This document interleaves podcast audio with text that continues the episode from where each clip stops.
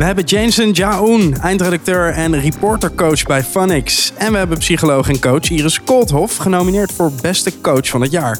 We gaan het hebben over wat je aan je studie hebt en wat je ermee aan moet als je twijfelt. Ik ben Justin Verkijk, welkom bij Red Bull Oor College. We zitten in de Van fabriek in eh, Rotterdam. Uh, met een prachtig uitzicht. We zitten in een torentje uh, rondom met glas. Ik zie echt allemaal gebouwen waarvan ik de naam niet weet. Maar gelukkig komt Iris uit Rotterdam. Die kan er misschien nog wel een paar aanwijzen voor me. Wat zien we, Iris? Uh, ik denk dat we daar in de verte zie je in ieder geval de Erasmusbrug. Dat is de belangrijkste eyecatcher, denk ik, van de skyline. Die was ik dus net aan het zoeken, maar die zag ik niet. Nee, dan moet je toch nog even wat beter kijken. En ah, daarnaast heb je de Rotterdam, het uh, grootste gebouw van Nederland. Ja, het ziet er wel echt prachtig uit, hè? Die, die skyline van Rotterdam. En de Euromast zie je ook vanaf hier. Ja, ja inderdaad. Ja, eigenlijk alles, hè? ik voel me een soort god wel. Zo hoog zitten. Het is een of andere manier is het een, een terugkerend ding in deze podcast. We hebben ook al in Amsterdam heel hoog gezeten. Uh, ja, ik hoop, dat, uh, ik hoop dat we dit een beetje erin houden in ieder geval. Tafelstudent van deze week is Meerte. Hallo Meerte. Hoi, goedenavond. Jij hebt deze week een uh, geluid meegenomen, natuurlijk. Dan gaan we gelijk naar luisteren. En uh, wil je dan ook uitleggen wat het is? Ik snap er helemaal niks van. Uh, ja, het is geluid van afvinken. Want uh, ja, we gaan het dus hebben over studie en wat je daarin hebt. En um, we gaan het eigenlijk allemaal hebben over de gevolgen van je studie. Maar ik dacht, laten we beginnen bij hoe je bij je studie komt. En dat doe je natuurlijk met de Kompas studiekeuzetest. Tenminste, dat is wat ik vroeger heb gedaan op de middelbare school. Dat moesten we allemaal um, invullen. En er komt dan uit wat jij moet worden. Oké, en wat kwam eruit bij jou? Bij mij kwam eruit handhygiënisten. Wauw, handhygiënisten. Ik ken de mondhygiënisten, maar de handhygiënisten, is dat gewoon met nagels en zo? Ik heb geen idee, want ik heb er niet verder naar gekeken, want ik dacht, wat is dit? Lijkt me wel goed voor eh, dit, deze tijd van het jaar, toch? ja, ja, het was eigenlijk een gat in de markt, maar ik heb het eh, helaas niet uh, gevolgd. Gewoon sanitizen. Sanitizen. Ja. Was je handen stuk. Dat is het eigenlijk. Oké, en uiteindelijk is het psychologie geworden? Ja, klopt. Ben je blij met je studie? Ja, ik vind het echt super leuk. En uh, elke keer ben ik weer blij uh, met de informatie die ik leer. En ik vind het allemaal heel interessant, dus dat is uh, heel fijn. Je bent er wel een beetje nonchalant ingerold. Ja, dat klopt. Want ehm, ja, ik heb eigenlijk al best wel vrij snel besloten dat ik psychologie wilde studeren. En dat deed ik eigenlijk omdat ik het leuk vond in series en films, hoe dat dan ging. Mhm. En, uh, maar wat, wat sprak je dan aan? Dat jij zit en dat iemand op zo'n sofa ligt die even zijn ja, ziel neerlegt? Ja, tissues, weet je wel. Uh, ja, gewoon met mensen praten over wat ze bezighoudt. Dat is wel gewoon superleuk. En uh, ja, dat in combinatie met gedrag van mensen vind ik heel interessant. Dus toen heb ik eigenlijk vrij snel gekozen voor psychologie zonder eigenlijk verder rond te kijken. En nu denk ik wel van, goh, had ik dat iets meer moeten doen? Maar ik ben nog steeds heel blij dat ik uh, dit heb gekozen. Ja, ga je dan, ja, dan ga je niet iets doen met je studie misschien, als je zo'n gevoel hebt. Ga je iets anders doen? Of? Uh, nou, ik wil een switch maken eigenlijk naar criminologie. Dus uh, wel nog steeds wel gedrag en uh, psychologie, maar dan wel iets meer toegepast op ja, criminelen en ja, die dingen, veiligheid. En waarom? Hoe ben je daarbij gekomen? Ja, we hadden zo'n uh, module veiligheidspsychologie en dat vond ik eigenlijk super leuk en heel interessant. En op die manier uh, heb ik daar toch voor gekozen om daarmee voor te gaan, door te gaan. Ja. Dus ik ga er ook in afstuderen vanaf februari. Nou, lekker voor je. Ja. Ja, ik ga voor je duimen. Moet ik alvast beginnen? Ja, doe maar. Oké, okay, top. Uh, thanks Meerte. Uh, Jason, jij stal scooters, pleegde overvallen, deelde drugs. En nu ben je eindredacteur bij uh, een landelijke radiozender, bij Funix. Ja. ik heb je een klein beetje in een, in een hokje gedrukt natuurlijk. maar jij wil laten zien dat iedereen kansen heeft. ja, zeker man. Dat is voor mij echt mijn drijfveer geweest. ik heb eigenlijk, ja, precies wat je zegt, een, een, een best wel negatief verleden gehad als je kijkt naar wat de standaarden zijn voor, uh, voor de samenleving. Um, en ik heb eigenlijk gemerkt dat, uh, dat op het moment dat je een label krijgt, dat dat eigenlijk heel vaak de rest van je leven aan je blijft hangen. En ik vind dat dat eigenlijk niet nodig is. Want uh, op het moment dan, ik, op het moment dat je dan een crimineel verleden hebt. En ik was toen best wel jong, ik was net 18 toen ik was opgepakt. En ik vind niet dat dat hoeft te betekenen dat je dus de rest van je leven niks meer kan betekenen voor de samenleving of kan bereiken voor jezelf. En dat wilde ik heel graag laten zien aan anderen. Ja, ja want ik heb die docu gezien waar je, waar je in zat. Ja. Toen struggelde je met, met al deze dingen. Ja. Maar uh, ik heb wel het idee dat ik met een ander mens aan tafel zit. Een ander mens in ieder geval dan dat ik in die docu heb gezien. Een verder ontwikkeld mens. Ja, dat bedoel ik. Ja, dat bedoel ja ik. zeker, zeker. Ik was eh, zeg maar. ehm, er zijn dus twee documentaires van mij uitgekomen. De eerste, dat was eh, dus toen ik eh, net uit detentie kwam en hoe dat ging. En de tweede was eigenlijk vijf jaar later een soort van vervolg. En in die eerste eh, zie je eigenlijk heel erg hoe boos ik ben op eigenlijk alles en iedereen om me heen, op de wereld, op de samenleving. Hmm. Ik voelde mij ehm, niet een onderdeel van. Eh, eh, verder van zelfs. En, en dat merk je gewoon heel erg. Dat ik eigenlijk overal tegenaan aan het trappen ben. En, en ja, gewoon nog niet blij met mezelf was. Hmm. En hoe oud was jij toen, toen je dus uit detentie kwam? Eh 23. Ja, 23 en heel boos. Ja. Ja. Ja. Wat, wat, wat lag er te grondslag aan dat je, dat je voor die lifestyle ging? Ehm, ja, het is voor mij, ik heb zeg maar terugkijkend altijd proberen te zoeken naar het moment waar het fout is gegaan of zo. Ehm, maar dat, dat is er niet. Er is niet één vast moment waar ik kan zeggen: oké, hier is het helemaal fout gegaan. Ik denk dat het echt een soort van eh, eh, skill is waar ik op ben afgegleden. Zeg maar. het, het is eigenlijk begonnen, en dat is denk ik mooi voor, voor dit onderwerp ook. ehm, toen ik van de basisschool naar de middelbare school ging. Ik had HAVO-VWO-advies en ik ging in de eerste, deed ik ook HAVO-VWO. Eh, maar dan praten we echt over 15 jaar geleden of zo. Ehm, en dat waren ook andere tijden. Dus ik zat op een school waar ik samen met een andere jongen eigenlijk de enige buitenlandse persoon was op die school. En voor de rest alleen maar Nederlanders die allemaal zeg maar op hockey zitten en een jacht hebben thuis van hun ouders en dat soort dingen. Dus ik, ik eh, eh, kon daar mezelf niet aarden. Ik, zeg maar, ik herkende mezelf niet op, bij niemand op die school. Zeg maar. En op een gegeven moment kreeg ik ook aanvaringen met leraren, waarbij er ook wat racistische opmerkingen werden gemaakt door leraren naar mij toe. Ehm, en na het eerste jaar ben ik dus naar VMBO gegaan. En niet omdat ik het niet aankon, maar omdat er dus geen. Ja, er was niks voor mij op die school, zeg maar. En toen ben ik eigenlijk in de tweede doorge. Ik ben wel naar de tweede doorgegaan, maar dan op VMBO. En dat was eigenlijk het moment dat het voor mij echt was van... oké, ik kan hier gewoon mijn vinger in mijn neus doen en niet leren. En ik krijg allemaal achten en zo, want ja, eeuw ja. En dat was ook het moment dat ik dan ja, wat meer met, op straat ging hangen met jongens... en fietsen stelen. Het begon met de fiets stelen en dat werd dan een scooter en ja, zo. Uit verveling eigenlijk gewoon. Ja, een beetje ja, dat. Onder je niveau zitten. Ja, en, en zeg maar, dat was ook het moment waar ik begon te begrijpen dat ik anders was dan zeg maar, de gemiddelde persoon in Nederland. En dat ik echt merkte van, oké, mensen behandelen mij ook anders. En dat was ook het moment dat ik dacht, weet je wat, fuck jullie allemaal, zeg maar. En, Mhm. en ja, nu terugkijkend was dat niet de beste eh, beslissing voor mij om te nemen. Maar op dat moment had ik gewoon het gevoel dat ik nergens thuis hoorde. En dan, ja, dan ga je een soort van rellen tegen het systeem. En, en ja, dat is heel, heel fout gegaan. Ja, maar vind je dat je, je jezelf dat kwalijk kan nemen? Ik bedoel, als je, als je me de situatie zo schetst, lijkt het ook alsof je een hoop wind tegen had in die tijd. In een, in, een, in een periode van je leven waarin je eh, eh, heel erg, eh, ja, hoe zeg je dat goed? Bevattelijk bent misschien voor Ja. dat soort dingen. Ik denk ja en nee, want tot op zekere hoogte heb je natuurlijk zelf je toekomst in de hand. En, en, en maak je uiteindelijk zelf de beslissing van ik doe dit wel of ik doe dit niet. Eh, maar ik denk als ik bijvoorbeeld op die school wat minder problemen had en ik kom daar gewoon door naar de tweede, dat mijn leven misschien ook heel anders was gelopen op, op dat moment. Eh, omdat ik dan wat minder in aanraking zou komen met jongeren die net als mij scheid hebben, zeg maar. En Hmm. een scooter stelen en dat soort dingen. Ik denk dat ik dat op eh, het Laurens College niet had, niet had gedaan met eh, klasgenoten en zo, zeg maar. Ja. Je ging van een, eh, van een fiets naar een scooter, maar uiteindelijk werd het gewoon eh, overvallen. ja. Eh, wat weet je nog van je eerste, je eerste overval? Oeh, nou, alles man. Mijn eerste overval, dat was op een snackbar bij mij om de hoek. Waar je ook kwam zelf? Ja, Ja? Dus dat was, niet, dat was niet echt een doordacht idee, zeg maar. Dat was ook weer meer uit verveling met vrienden. Van ja, wat gaan we doen? We hebben geld nodig. Ehm, en we gaan die overval plegen. En ik heb eigenlijk toen nooit erbij stilgestaan wat dat betekent. En wat dat kan betekenen voor mij, maar ook voor de mensen die ik overval, zeg maar. En ik heb toen ik bij Phonix ging werken, eh, heb ik meegedaan met de NTA Radioprijs. En toen heb ik een eh, hoorspel gemaakt over die allereerste overval.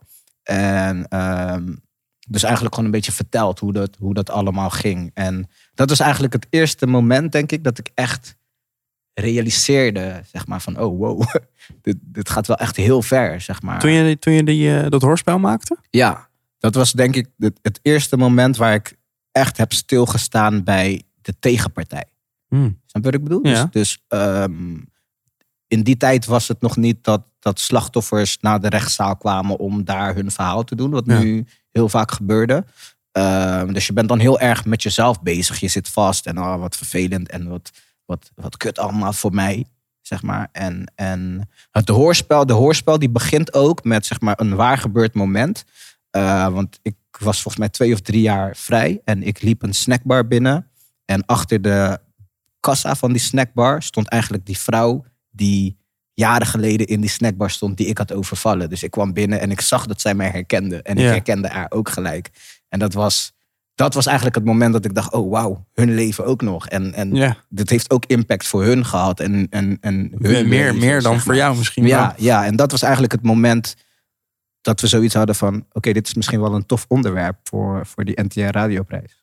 En eh, heb je uiteindelijk je excuses gemaakt aan die vrouw? Ehm, nee, ik werd zeg maar vanuit Funix werd ik heel erg eh, gecoacht om zeg maar contact met haar te zoeken. Om dat ook te verwerken in dat hoorspel. Ehm, en ik heb er over nagedacht, maar ik, ik heb mezelf er niet toe kunnen zetten om dat te doen, man. Oké. En dat komt, eh, denk ik, grotendeels ook uit een positie van schaamte. Eh, en ook nog steeds lastig vinden, denk ik, om een soort van zwakte te tonen. Of zoiets. Dus dat vond ik lastig. Dus dat, dat heb ik dan uiteindelijk Waarom, niet zou gedaan. dat, waarom zie je dat als een zwakte? Ehm, ja, nu niet meer hoor. Want Mhm. dit is zeg maar, ik heb het dan meer over toen. En dit is dan vier, vijf jaar geleden Mm. ongeveer. Ehm, goeie vraag eigenlijk. Nooit, nooit, eigenlijk nooit bij stilgestaan waarom eigenlijk. Maar ik denk eh, hoe ik ben opgegroeid, zeg maar, de, de, de, ehm, waar ik vandaan kom en zeg maar de vrienden waar ik mee ben opgegroeid. We zijn niet gewend aan excuses bieden voor fouten die we hebben gemaakt, zeg maar. Ook met elkaar niet, snap je? Ik heb mijn vrienden zijn niet van, ah, zo echt sorry voor wat ik gisteren heb gedaan. Het kon echt niet. We zijn meer van, oké, we zien allebei aan elkaar van, oké, we, we laten het gaan en we gaan gewoon door, zeg maar. En, en ik vond het heel lastig om, zeg maar, die stap te zetten. En daarnaast ook, wil die persoon überhaupt wel met mij praten? Waarom zou die persoon met mij willen praten? Terwijl ik, ja, Ik denk dat diegene prima wil horen van jou dat het, eh, dat het je spijt, als het je spijt. Ja, ja zeker. Ehm, ja, ik, ik vond dat denk ik toen lastig om, om, om dat te geloven. Ja. Van, nou, die zit echt niet op mij te wachten, zeg maar. En dan ook nog omdat ik een hoorspel wil maken voor mijn supergoed lopende mediacarrière, zeg maar. Snap je? Dus Mm. Ja, het dus was eigenlijk je- een beetje het gevoel van, nou, ga ik nog even invrijven, zeg maar, hoe goede stappen ik nu aan het maken ben. Ja, dus ik- een soort van dubbel gevoel van schaamte lijkt wel. Enerzijds schaamte voor wat er toen der tijd is gebeurd. Maar dan dus vervolgens ook een beetje schaamte van... En zie dan eens waar ik nu ben gekomen en ik wil hier wat mee. Ja, ja, ja, inderdaad. Ja. En dan haar nog overhalen om zeg maar, mij te helpen om die hoorspel te doen. En dan zeg maar, kijk, met die hoorspel heb ik dan ook die, die NTR Radioprijs gewonnen. Eh, ja, ik weet niet, man. Ik weet niet of ik dat tof zou vinden om dan daar ook nog een radioprijs mee te winnen en haar daar dan mee te confronteren en zo. Ja, ik, ik, het, het kwam denk ik te dichtbij voor mij. En ik had zeg iets van, nou, laat het maar even daarachter. Dan liever niet.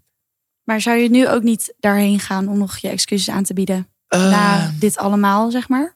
Morgen. Ja, nu wel eerder. Ik denk zeg maar als ik nu een snackbar zou binnenlopen en zij zou daar achter eh, eh, de balie staan, dan zou ik niet. Want toen had ik echt zo'n oh, vriesmoment. Ik bleef echt. Oh.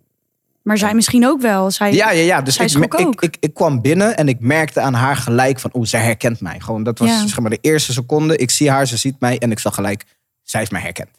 En zeg maar, ik was met een vriend en die vriend die was zich nergens van bewust. En hij liep gewoon naar die om iets te bestellen. En ik dacht, oké, ik wacht even buiten. En toen ben ik gewoon buiten gaan staan. En ik dacht, ja, dat gaan we niet doen. Dus ja. Die vrienden waar je het over had, daar zat je mee in een gang. Ja. Die Bloods. Ja. Zie je ze nog? Ehm, de meeste niet. Ik heb eh, in de documentaire zie je vooral Smokey en Lil G. Ehm, en dat zijn wel de mensen waar ik nu nog steeds wel mee chill. Met Lil G niet echt heel veel meer. Maar Smokey die zie ik wel echt eh, regelmatig. Echt wekelijks een paar keer. Hm. En hoe, hoe dat kijken gaat- ze naar jou? Ehm, ja, Smokey, eh, ja, die, zijn- ja, die zijn wel gewoon trots, zeg maar. Snap je? Kijk, wat misschien goed is om te vertellen is, zeg maar, die bende waar we in zaten, de Bloods, we hebben dat nooit opgericht met de gedachtegoed van, mm, we willen de grootste gang van Nederland worden of we willen zoveel mogelijk criminele activiteiten doen. Het was gewoon eh, een groep vrienden die allemaal vanuit dezelfde eh, achterstand komen, vanuit dezelfde achterstandswijken, die allemaal het gevoel hebben dat ze niet thuis horen in de maatschappij. Eh, en niemand anders luistert naar ons behalve wij zelf. Dus toen hadden we zoiets van, nou, dan gaan we elkaar gewoon helpen als niemand anders ons wil helpen. En eh, ja, op het moment dat je dan samen zo'n hechte klik bent, dan wil je daar een naam aan geven. En dan wil je herkenbaar zijn, dat iedereen weet dat je samen bent. En, en zo is het een beetje, ja, ja, echt dat gewoon. En zo is het een beetje ontstaan. En toen hadden wij gewoon ehm, het idee van, door criminele dingen te doen, kunnen wij overleven. En er zijn geen andere mogelijkheden. En die zijn er natuurlijk wel, maar op dat moment zagen wij dat niet. En dat was de reden dat we eigenlijk werden wat we werden. Maar we hadden net zo goed een boyband kunnen worden of een, weet ik veel, een... was wel vet geweest als jullie een boyband waren geworden. ja, toch? Of, of bijvoorbeeld als, als, als, onze, eh, als we allemaal hielden van schilderen bijvoorbeeld, hadden we misschien een sch- schildersbedrijf gestart, bij Mm. wijze van spreken. Maar het was gewoon de positie waar we op dat moment waren in ons leven, leek het ons de enige oplossing eh, om dingen te stelen en overvallen te doen. Want ja, wie gaat ons nou een baan geven, zeg maar. Dat was een beetje het gevoel. Wat was het keerpunt voor jou? Ehm, mijn, de keerpunt was denk ik mijn tweede detentie. Ik heb in totaal twee keer vastgezeten, in totaal vijf jaar. Ehm dus eerst toen ik 18 was, heb ik 2,5 jaar eh, vastgezeten. Toen was mijn moeder langsgekomen in de gevangenis. En die had eigenlijk gezegd, nou als dit nog een keer gebeurt, dan ga ik niet langskomen. En dan zoek je het zeg maar allemaal maar uit. Eh, toen kwam ik vrij en eh, drie maanden later zat ik weer binnen. En toen was mijn moeder toch gekomen. Eh, zoals moeders dat doen, zeg maar. Eh, maar dat was wel het moment dat ik echt een soort van die pijn eh, in haar ogen zag en, en echt voelde. En mijn moeder die was ook best wel jong ze mij kreeg, 16. Eh, en ik had ook nog een broer die twee jaar ouder is dan mij. Ehm, en ze is met ons twee naar Nederland gekomen en ze heeft hier eigenlijk overdag gewerkt en in de avond een opleiding gedaan en die gehaald met tienen op haar diploma. En ik had wel echt zoiets van, mijn moeder heeft zoveel moeite gedaan en zoveel proberen te fixen om ons zeg maar een, een, een opstart te geven. En zo ga ik ermee om. En ik heb niet eens kinderen, dus wat doe ik moeilijk zeg maar als zij het kan? Waarom zou ik het niet kunnen? Dus, dus die tweede keer dat, dat, dat ze eigenlijk liet zien van ik heb eigenlijk gezegd dat ik niet kom, maar ik kom want je blijft mijn zoon. Toen had ik ook zoiets van als, als zij zoveel voor mij over hebt, dan moet ik ook wel voor haar over hebben om die kansen die zij mij heeft geboden met, met zweet en, en tranen, zeg maar, om die wel echt, daar echt wel iets mee te doen. Hm. Dus dat was die tweede keer dat, dat ik vast zat en dat mijn moeder weer langskwam en dat we heel dat riedeltje opnieuw hadden. Dat ik echt zoiets van, oké, dit gaat nooit een derde keer gebeuren. Mag niet. Hm. En gelukkig heb ik daaraan kunnen vasthouden. Ja. Ja, En je, je gaat nu hartstikke lekker.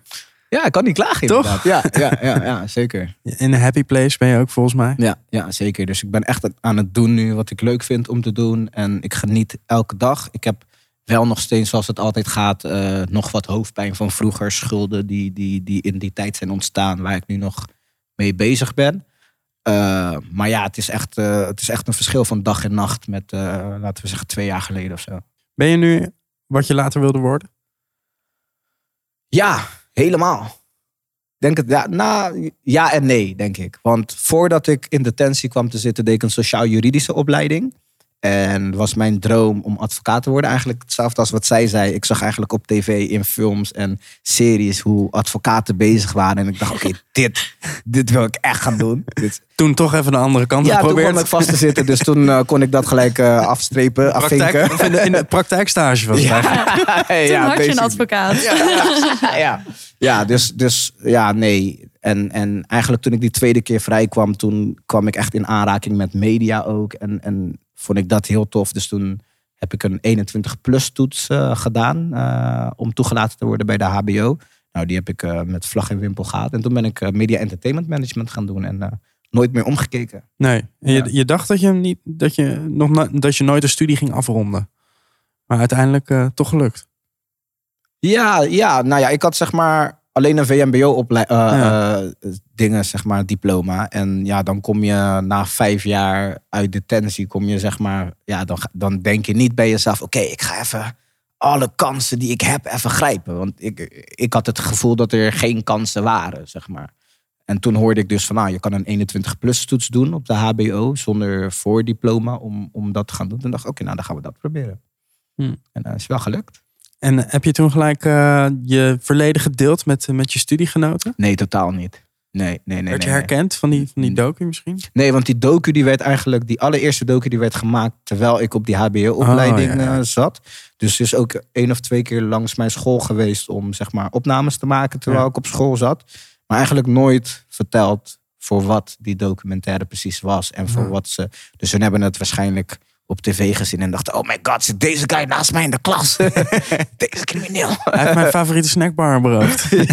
ja, ja, maar ik was zeg maar toen die documentaire uitgezonden werd, was ik al van die school af, zeg maar. Dus ik werd er niet mee geconfronteerd, gelukkig. Nee. Denk je dat je verder komt in het leven met een diploma? Ehm, ja en nee.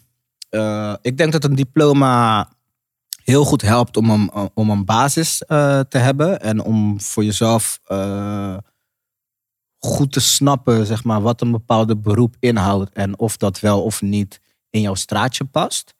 Eh, maar je merkt tegenwoordig natuurlijk heel erg veel dat bedrijven veel meer aan het inzetten zijn op mensen met ervaring eh, dan per se op mensen met een, een papiertje, zeg maar. Dus ik denk dat die combinatie eh, veel... Ik denk met, dat met alleen een diploma kom je er niet. Maar op het moment dat je een diploma hebt en ervaring, dan sta je eigenlijk helemaal bovenaan. Hm. Dus is denk ik diploma en ervaring, diploma en daaronder ervaring. Ja. Als ik een volgorde moest maken, denk ik. Je ging solliciteren bij Phoenix. Hebben ze toen gevraagd naar je opleiding? Nee, eigenlijk niet. Ik, heb, ik, heb, ik moet heel eerlijk zeggen, ik heb bij Vanex heb ik echt, eh, dat is de eerlijkste sollicitatie die ik ooit in mijn leven heb gedaan, zeg maar. Want ik heb eigenlijk gewoon echt mijn situatie uitgelegd van, yo, ik heb vastgezeten. Ik heb ook die documentaire gewoon meegestuurd. Dit is mijn levensverhaal, kijk het maar even. Eh, en eigenlijk verteld van, yo, ik, ik was die tijd al zelf wat dingen aan het doen in de media, omdat ik dat gewoon leuk vond. Dus ook een paar van die dingen meegestuurd. Dus ik zei van, ik denk dat ik het kan. Ik denk dat ik talent heb. Maar ik heb echt een grote achterstand. En ik heb alleen iemand nodig die in mij gelooft. En mij die vertrouwen geeft om zeg maar iets moois van mijn leven te maken. En eh, ja, jullie van Van, ik zeggen dat jullie er zijn voor alle soorten jongeren. Dus eh, ik verwacht dat jullie er dan ook voor mij zijn, toch? Zo heb ik eigenlijk gewoon gesolliciteerd. En toen zeiden ze, nou, klinkt goed. Gaan we doen. Ja, en het werd een, eh, een lucky shot. Ja. Want aangenomen en inmiddels eh, eindredacteur. Ja, eh, eindverantwoordelijk voor vier shows en alle lokale content. ja. Dus ze hebben gewoon ja, een gouden kans gegeven. Ja, zeker, zeker, zeker. Ik heb wel echt veel moeten, moeten. Want ik kwam zeg maar echt binnen als een jongen van de straat. En dat, dat, dat zag je ook wel.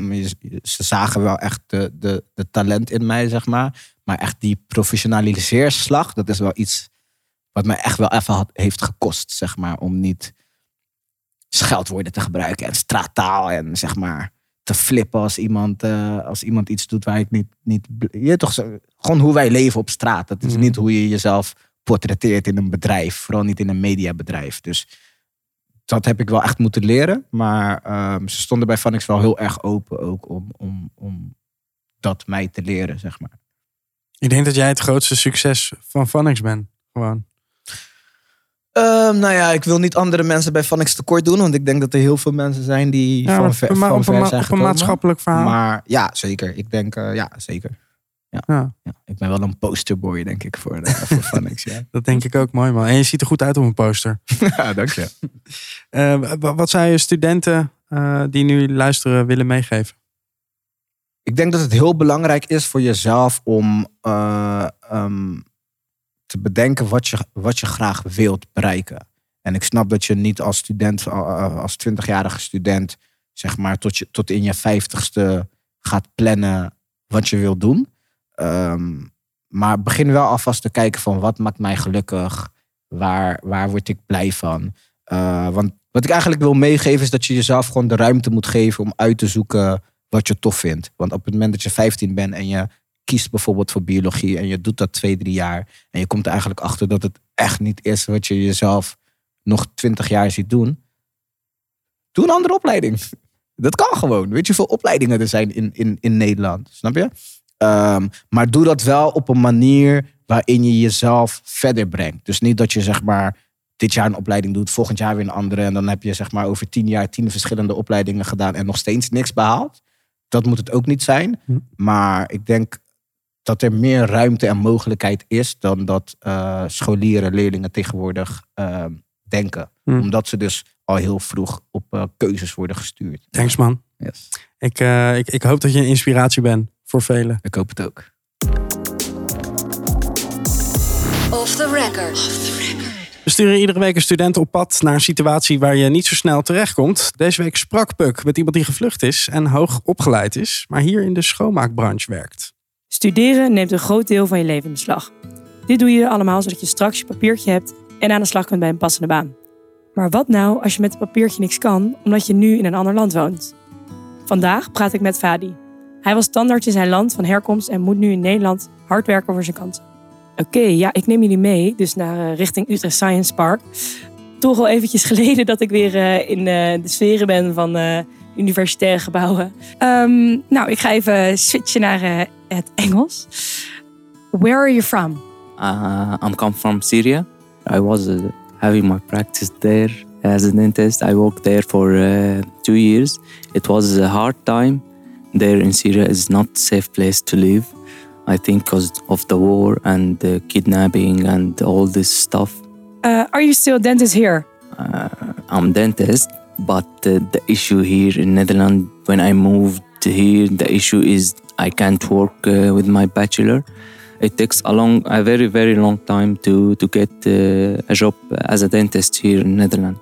You're there, you worked, you studied in your country, you became a practicing dentist, and then you moved to and you had to start all over with the language and also with the bachelor. Um, how does that make you feel?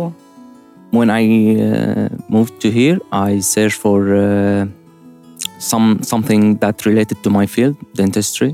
Mm, I can't find something because uh, the language is the first issue to communicate with people. Right now, I'm working as a warehouse uh, labor worker in uh, Crowdfound. What are your ambitions, uh, working life? Like, how do you see the future here in the Netherlands? Um, the future, I think the future here in uh, Netherlands is uh, very, very. Uh, it will be very nice.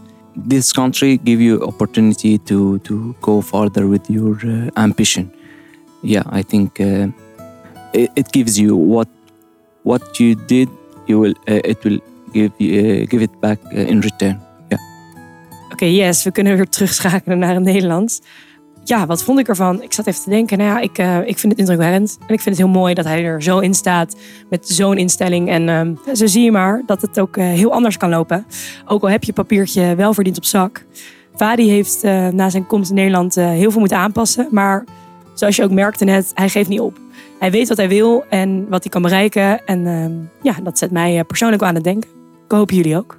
Iris, kan jij gelukkig worden als je werk doet dat onder je niveau ligt?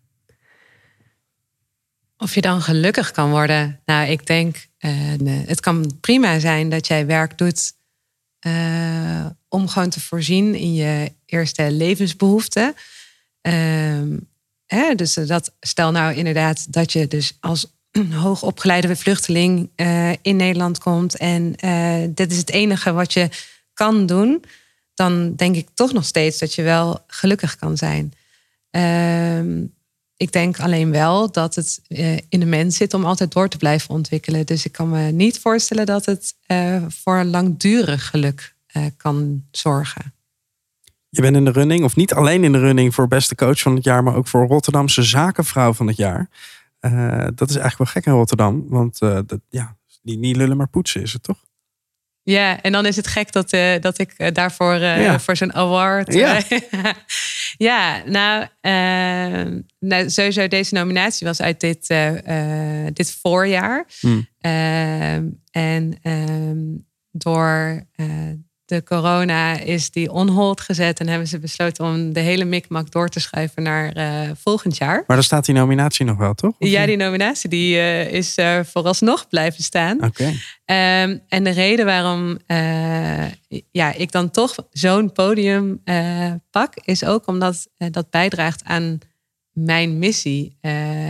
om te laten zien eh, dat je dus zelf eh, kan gaan ondernemen. Dat je daarin eh, zelf ook de regie kan voeren over je eigen loopbaan en, en je eigen leven. En dat is eigenlijk ook precies wat ik doe überhaupt in mijn hele bedrijf. En misschien nogal grappig om erbij te zeggen dat ik ben genomineerd voor een bedrijf wat inmiddels ook niet meer bestaat. Wat is er gebeurd? ja, nou ja, corona happened. Mm. Ehm, nou, ehm, ik, eh, ik heb een eigen coachpraktijk. En daarnaast eh, heb ik ook een coach- en trainingslocatie in het eh, centrum van Rotterdam. En dat liep heel goed. Dus ik verhuurde die locatie ook aan andere coaches en trainers. En ook steeds meer bedrijven die het een hele inspirerende en huiselijke omgeving vonden om daar te meeten met hun team. Maar eh, ging mijn hart echt uit naar het constant faciliteren van anderen. En de hele tijd eh, ja, toch ook bezig zijn met de gedoetjes die nou eenmaal met een locatie komen kijken. Eh, een lamp die niet werkt, een printer die niet voorzien is van inkt of weet ik veel. En het begon steeds meer te schuren. Ehm, wel dus die nominatie binnen weten te hengelen. maar ehm, eh, ondertussen was ik ook steeds meer in gesprek met andere ondernemers. En eh, één in het eh, bijzonder, en dat is nu mijn compagnon geworden. Want we zijn te midden van de coronacrisis een nieuw bedrijf gestart. Waarin mijn superpower op het gebied van mindset en gedragsverandering. En die van haar op het marketingvlak samenkomt. En ehm, eh, ja, zo hebben we eigenlijk een eind kunnen breien aan iets wat wel goed liep, maar niet helemaal mijn eh, passie had. Mhm. Eh, en heb ik dat nu kunnen doorstarten in een, in een ander bedrijf, zelfde locatie. Maar waar ik echt doe, waar ik, waar ik gewoon echt super blij van word en waar ik ook het beste in ben. Dus we kunnen je gewoon volgend jaar weer nomineren eigenlijk. Ja, Een ander maar. bedrijf. ja, Mag ik jou iets, eh, iets vragen? Ja, Eh, zeg maar, waar merkte jij aan ehm, dat je iets aan het doen was waar je eigenlijk helemaal niet zo blij van werd? Want ik denk dat op het moment dat je die ruimte krijgt en, en je kan mensen over de vloer krijgen en het begint te lukken, dat je ook een soort van euforie moment krijgt van hé, hey, dit bedrijf loopt, zeg maar. En ik denk dat mensen soms dat heel vaak kunnen eh, ver- verwarren met blij zijn met wat je doet. Ja, merkte 100 jij dat? procent. Ehm, nou, en het is ook meteen wel grappig, hè? want ik heb dus eigenlijk een soort van in de praktijk ervaren wat ik eh, in eh, mijn coaching ook zo vaak zie: dat mensen eh, dingen doen waar ze in principe wel gewoon goed in zijn. En waarbij dan ook andere mensen gaan proberen om jou dan op die plek te houden. Net zoals wat jij net vertelde over dat je als ra- nog als reporter de straat op ging. Ja. Waarschijnlijk was je daar goed in. Maar ergens merkte je dan ook dat het niet meer helemaal was waar je dan echt happy van werd. Ja. En ik zie dat eh, in mijn coachsessies ook super vaak bij mensen gebeuren. En ik denk dat het vooral is ehm, dat je ehm, merkt dat je echt in zo'n flow komt. Dat je eh, super eh, lekker aan het werk bent. Helemaal erin op kan gaan. Als je iets doet waar je echt gelukkig van wordt. En in mijn geval was ik dan een beetje een soort van geïrriteerd of zo. Als er dan weer iets was voor mijn andere bedrijf. Dus als ik met het coachen bezig was en met persoonlijke ontwikkeling en training geven, helemaal happy.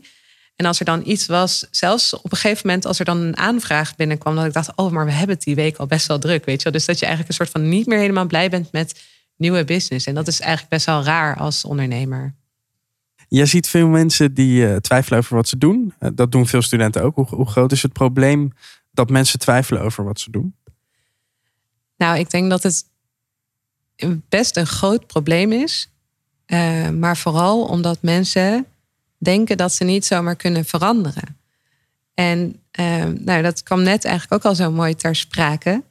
Eh, en mensen ze hebben de natuurlijke neiging om vast te houden aan de status quo. Omdat mensen gewoon gedreven zijn door angst. Dat wanneer ze dus inderdaad nog switchen van studie. Of besluiten om toch nog een andere opleiding te doen nadat ze al een papiertje hebben gehaald. Of met een eerste baan beginnen en dan denken van, oh, maar is dit het nou? Maar dan is het een soort van oerangst van mensen eh, om te veranderen. Omdat je niet weet wat het onbekende is. En eh, dat is echt, uit onderzoeken blijkt dat elke keer ook weer dat mensen liever in een eh, situatie blijven die ze niet fijn vinden, maar die wel voorspelbaar is, dan dat ze iets aangaan waarvan ze nog helemaal niet weten hoe dat gaat uitpakken. En ehm, daar moet je je soort van dus bewust een keuze maken om te denken: oké, ik ga het toch echt doen. Ik heb zelf ook zo'n moment gehad toen ik 28 was. Ehm, toen uh, had ik ook een baan ehm, bij een IT-bedrijf. Ik deed daar business development. En dat Boring. was ook alweer zoiets waar ik wel goed in was. En waar andere mensen mij in wilden hebben. Maar waarvan ik echt dacht van, hmm, is dit het nou helemaal? Um, maar ik, toen ik 28 was, bleek ik ziek te zijn. ik, had, ik bleek lymfklierkanker te hebben een van de kankervormen die nog wel eens voorkomt bij mensen van die leeftijd. En wat het mij heeft gebracht, is dat je dus zeg maar op één moment ineens beseft: hé, hey, je leven kan ineens echt anders zijn. Gelukkig is het een vorm uh, van kanker die heel goed te genezen is. Dus dat wist ik wel al van tevoren. Maar mijn, mijn leven was wel echt ineens anders. Ineens was het alleen nog maar ziek zijn, beter worden, ziekenhuizen, noem maar op. En dat heeft me wel doen beseffen dat je echt, als het je niet bevalt, verander dan. Want echt, het kan, voor je het weet, kan het voorbij zijn. En dat is eigenlijk min of meer het, eh, ja, hetzelfde, toch ook wel met wat jij net vertelde. Hè? Ja, ja zeker, zeker. Ben jij helemaal gezond nu? Ja, ik ben echt helemaal gezond. Ja, ja. ja voor, nou ja, gezond genoeg. ja. Hoe zit het eigenlijk, mag ik even vragen? Ja, want uh, waar wij het nu over hebben, daar zit jij volgens mij nu een beetje in, toch? Je doet een bepaalde opleiding en je wil misschien toch een kleine switch daarin maken? Zeg maar, ben je dan bezig met dadelijk uh, is het een foute keuze? Moet ik het wel doen? Uh, um, nee, dat niet per se. Want ik, wil, ik ga dit wel gewoon afmaken. En met de kennis die ik heb, ga ik okay. zeg maar door. Dat kan ook naar criminologie, mag je dat met de psychologie bachelor doen. Okay, maar het is wel uh, die onzekerheid, weet je wel. Want ik weet dat ik psychologie leuk vind. Maar ga ik criminologie ook leuk vinden? En ik wil misschien ook naar de politieacademie om daar dan een master te doen tot recherche. Maar dan heb je ook die selectieprocedure. En dat duurt heel lang en je hebt zoveel onzekerheid van ik meld me daarvoor aan, maar de kans is zo klein dat je dat gaat worden. En ik denk dat dat ook wel iets is, die onzekerheid van oké, okay, ik stop met inderdaad dit wat ik nu aan het met doen zekerheid, ben. Ja, en dan, ja, ja, en ik denk toch ook wel een beetje die angst voor falen. Als je stopt met je studie, dan denken mensen van oh, heb je kon je het dan niet aan, zeg maar. Terwijl misschien vond jij het dan niet leuk, maar denken anderen van, oh, waarom is ze gestopt met de studie? Dat is dan toch ook weer, je hebt dan ook een beetje die sociale druk en ja, ook hoe je dat mensen denken dat je niet kijken. slim genoeg bent. Uh, ja, ja, maar ook hoe anderen ernaar kijken van, nee, je gaat toch niet stoppen? Dat ga je toch niet doen? En uh, dan ben je weer zo lang bezig en dat kost zoveel geld, dat ga je toch niet doen? En zo krijg je wel ja, van anderen ook die druk van, nee, je gaat er gewoon door. En dat zorgt er wel voor dat mensen blijven doen wat ze aan het doen zijn. Dit, Absoluut. Dit is precies waar jij mensen mee helpt, toch? Ja, zeker. Ja. met, met twijfel. Ja, en voor keuzes. En, en het maakt uh, wat dat betreft dus ook serieus niet uit of je nou een student bent die overweegt om te switchen van uh, studierichting. Uh, of dat je iemand bent die in, in de maag zit met de relatie waar ze in zitten. Ehm, het risico is inderdaad dat je heel veel externe adviezen krijgt. En dat mensen allemaal vanuit de beste bedoelingen vaak ook gaan vertellen wat zij zouden doen. En uh, ook een, een stukje van uh, hun eigen angsten bijvoorbeeld, of hun eigen ambitie op jou gaan projecteren. Mm. En voor je het weet, uh, ben je zo in de war en hoor je aan de ene kant alle dingen die je zou moeten doen en alle mensen die je zou teleurstellen als je een eigen keuze maakt. En aan de andere kant voel je je super slecht en word je een soort van geregeerd door angst en doe je dus niet wat je echt wil doen. En ik zeg helemaal niet hè, dat mensen altijd maar moeten veranderen en dat je met alle winden moet meewaaien. Dat is precies wat Jeanse net ook al zei. Van, hey, uh, eh, je moet niet elke keer switchen van studie als je denkt, oh, dit is het even niet. Je moet wel zorgen dat het bijdraagt aan een eh, groter doel. Wat ik eigenlijk altijd doe met mensen die twijfelen over eh, studierichting die ze eh, eh, hebben gekozen. Eh, of eh, andere belangrijke eh, beslissingen rondom bijvoorbeeld de eerste baan. Is echt even uitzoomen en kijken van ja, maar wat is nou wat jou daarin zo aantrekt? Ehm, en, en vanuit daar dan gaan kijken of het een goede keuze is of niet. Ik denk dat je uiteindelijk profiler moet worden, Meerte. Bij de FBI.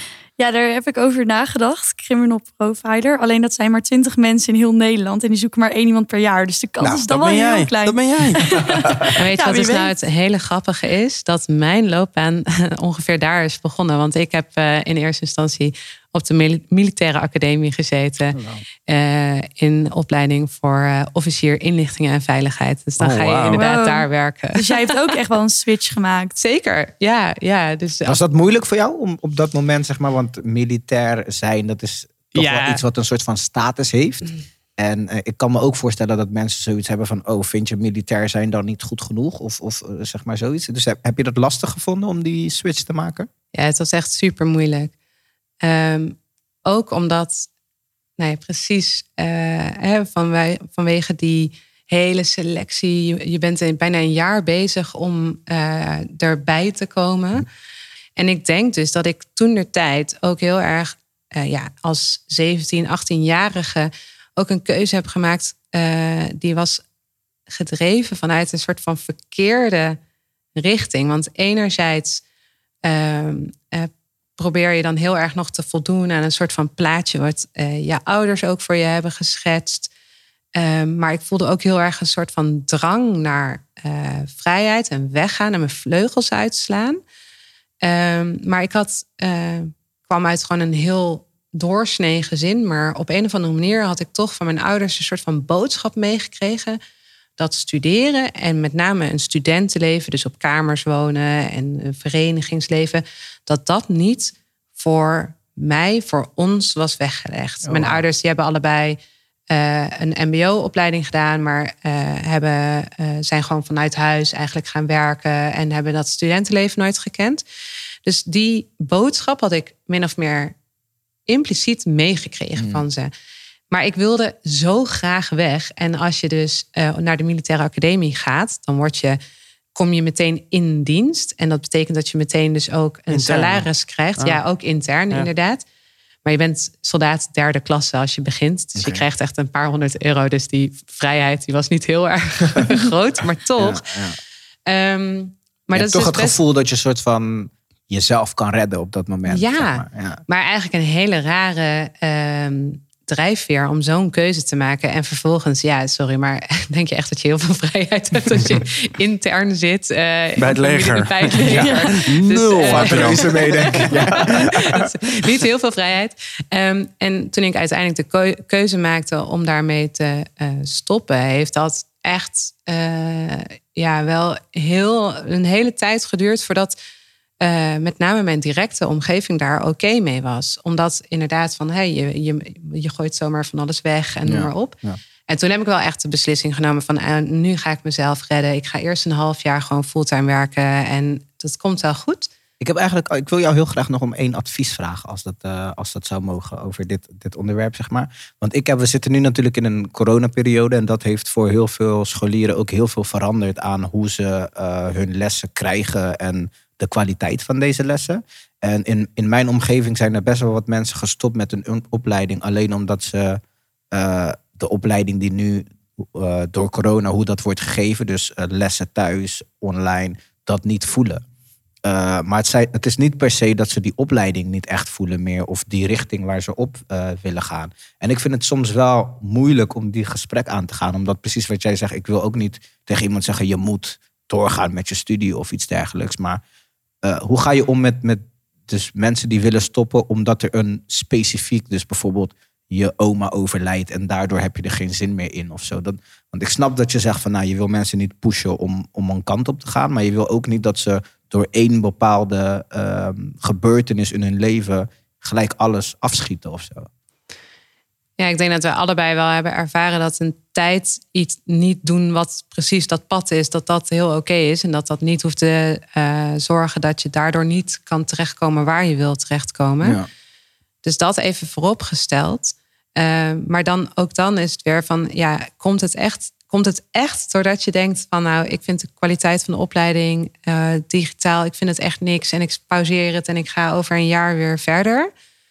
Um, of is het dat je denkt, hé, hey, ik heb een excuus Ja, om uh, ja. te stoppen. Goeie, en ja. ik, uh, ik denk wel dat het risico heel groot is dat er, dat er mensen niet meer uh, starten met een opleiding. Ja, daar ben ik dus ook heel bang voor. Dat ze stoppen en dat ze zeggen, ik doe het volgend jaar wel. Maar dat het volgend jaar dan nooit komt. Ja, en ook dan zou ik weer kijken van ja, weet je, als je echt kijkt van eh, wat is er nou eh, uiteindelijk eh, belangrijk in het leven. Ehm, want dit is een lange termijn investering natuurlijk. Ja. Want in het hier en nu is het heel vaak helemaal niet zo heel erg leuk om te studeren. Zelfs als je doet wat je heel leuk Ja, vindt. Ja, zeker. Ehm, en ehm, eh, ook daarin heb je dus de, eh, de uitdaging om elke keer niet voor jezelf in het hier en nu te kiezen, maar voor jezelf in de toekomst. Ja. En ook daar weer uit onderzoek blijkt dat mensen het super moeilijk vinden om voor de toekomstige zelf te kiezen, omdat dat net zo raar is als dat ik nu iets moet doen omdat ik voor jou dat zou willen bereiken. Ja. Want het is, het is onbekend. Je kent die persoon niet. En je bent dus altijd geneigd om goed voor jezelf te zorgen. Maar wel dezelfde die je kent Die je nu en kent nu. en niet jezelf over ja, vijf jaar. Ja, dus het is echt dat je een hele bewuste keuze moet maken daarin. Try this at home. Het oplossen van twijfel over studie en carrière is natuurlijk altijd heel persoonlijk. Er is niet één fix. Maar we gaan het toch even proberen. Eh, we, we eindigen namelijk altijd met een tip aan de luisteraar. Om de studententijd nog net even iets relaxer te maken. Dus voor al die twijfelaars. Wat kunnen ze nou doen, Iris, om het ja, toch beter in kaart te krijgen wat ze willen? Nou, ik had het net over die toekomstige zelf, dat je die niet kan eh, kennen. Maar ik denk wel dat het super waardevol is om op zoek te gaan naar mensen die eh, een toekomstige zelf zouden kunnen zijn. Dus gewoon mensen die eenzelfde profiel hebben of die een eh, baan hebben of een bedrijf hebben waarvan je denkt van wauw, ik wil weten hoe dat is. Om daar gewoon eens mee in gesprek te gaan. En eh, ik weet gewoon echt uit ervaring dat eh, gewoon mensen om mij heen, die vinden het allemaal super leuk om tijd en energie te geven aan studenten. Dus ik denk dat dat echt een hele mooie try this at home zou zijn. Op zoek gaan naar iemand tegen wie je opkijkt en aan wie je je wil gaan spiegelen. Ja, Ja. ja. Ja, eh Meerte James Bond wordt het waarschijnlijk voor jou, denk ik. Ja, zoiets. Of even van Dongen, je weet het niet. Ja. ja, ik ga het proberen. Goeie tip. Ja, ik vind het ook een hele goeie. Ik ben het helemaal mee eens. Ja. Is er iemand aan wie jij eh, wil spiegelen?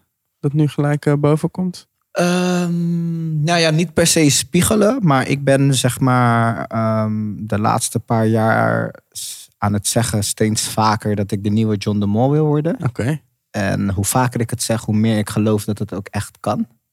Eh, maar dan wel een betere. dus niet spiegelen, maar uh, surpassen, zeg maar. Jason de Mol. Ja, Het zou kunnen. Het klinkt goed in ieder geval. ja toch? Oh, ik vergeet nog even dat mensen daaraan mee kunnen doen natuurlijk. Ehm, als je nou iemand hebt gevonden aan wie je wil spiegelen... en, en dat, je hebt een, het idee dat het een beetje lukt... eh, laat ons dat dan even weten via de hashtag Red Bull Oorcollege. Jason, Iris, Meerte, ik eh, vond het fijn om met jullie eh, op grote hoogte in Rotterdam te zijn. Dank jullie wel voor je komst. Dank voor de uitnodiging. Ik vond het een eh, heerlijk gesprek. Doei. Dit was hem. Dankjewel voor het luisteren. Volgende week zijn we er weer met een nieuwe Red Bull Oor College. Hetzelfde kanaal, maar ook in alle andere podcastkanalen. Vind je deze podcast leuk? Geef ons dan 5 sterren in Apple Podcast. Dank daarvoor alvast. Dag.